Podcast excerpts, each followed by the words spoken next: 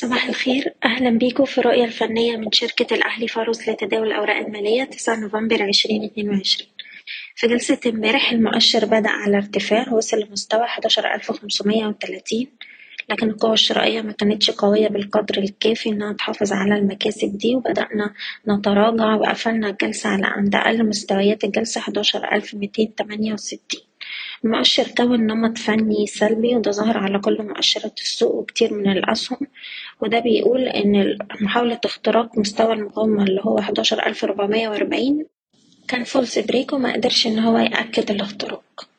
من الناحية التانية مؤشر هرمس index وصل لمستوى مقاومته ألف ميتين ستة وتسعين والمستوى ده بيوازي مستوى المقاومة الرئيسي اتناشر ألف وسبعين على مؤشر التلاتين وبالتالي مؤشر التلاتين طول ما هو تحت مستوى ربعمية وأربعين ومش قادر يأكد الاختراق هيبقى فيه مجال إن هو يتعرض لبعض عمليات جني الأرباح وهيكون عندنا أقرب منطقة دعم ما بين حداشر ألف مية وسبعين لحد حداشر ألف وسبعين نقطة.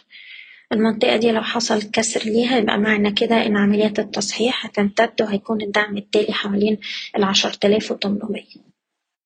في الوقت الحالي بننصح المستثمرين بتبني استراتيجية أكثر تحفظًا ومن نهاية الأسبوع اللي فات كنا بنوصي بجني أرباح الأسهم اللي وصلت للمستهدفات بتاعتها ورفع مستويات حماية الأرباح لأقرب دعم حسب كل سهم على حدة. بشكركم بتمنى لكم التوفيق.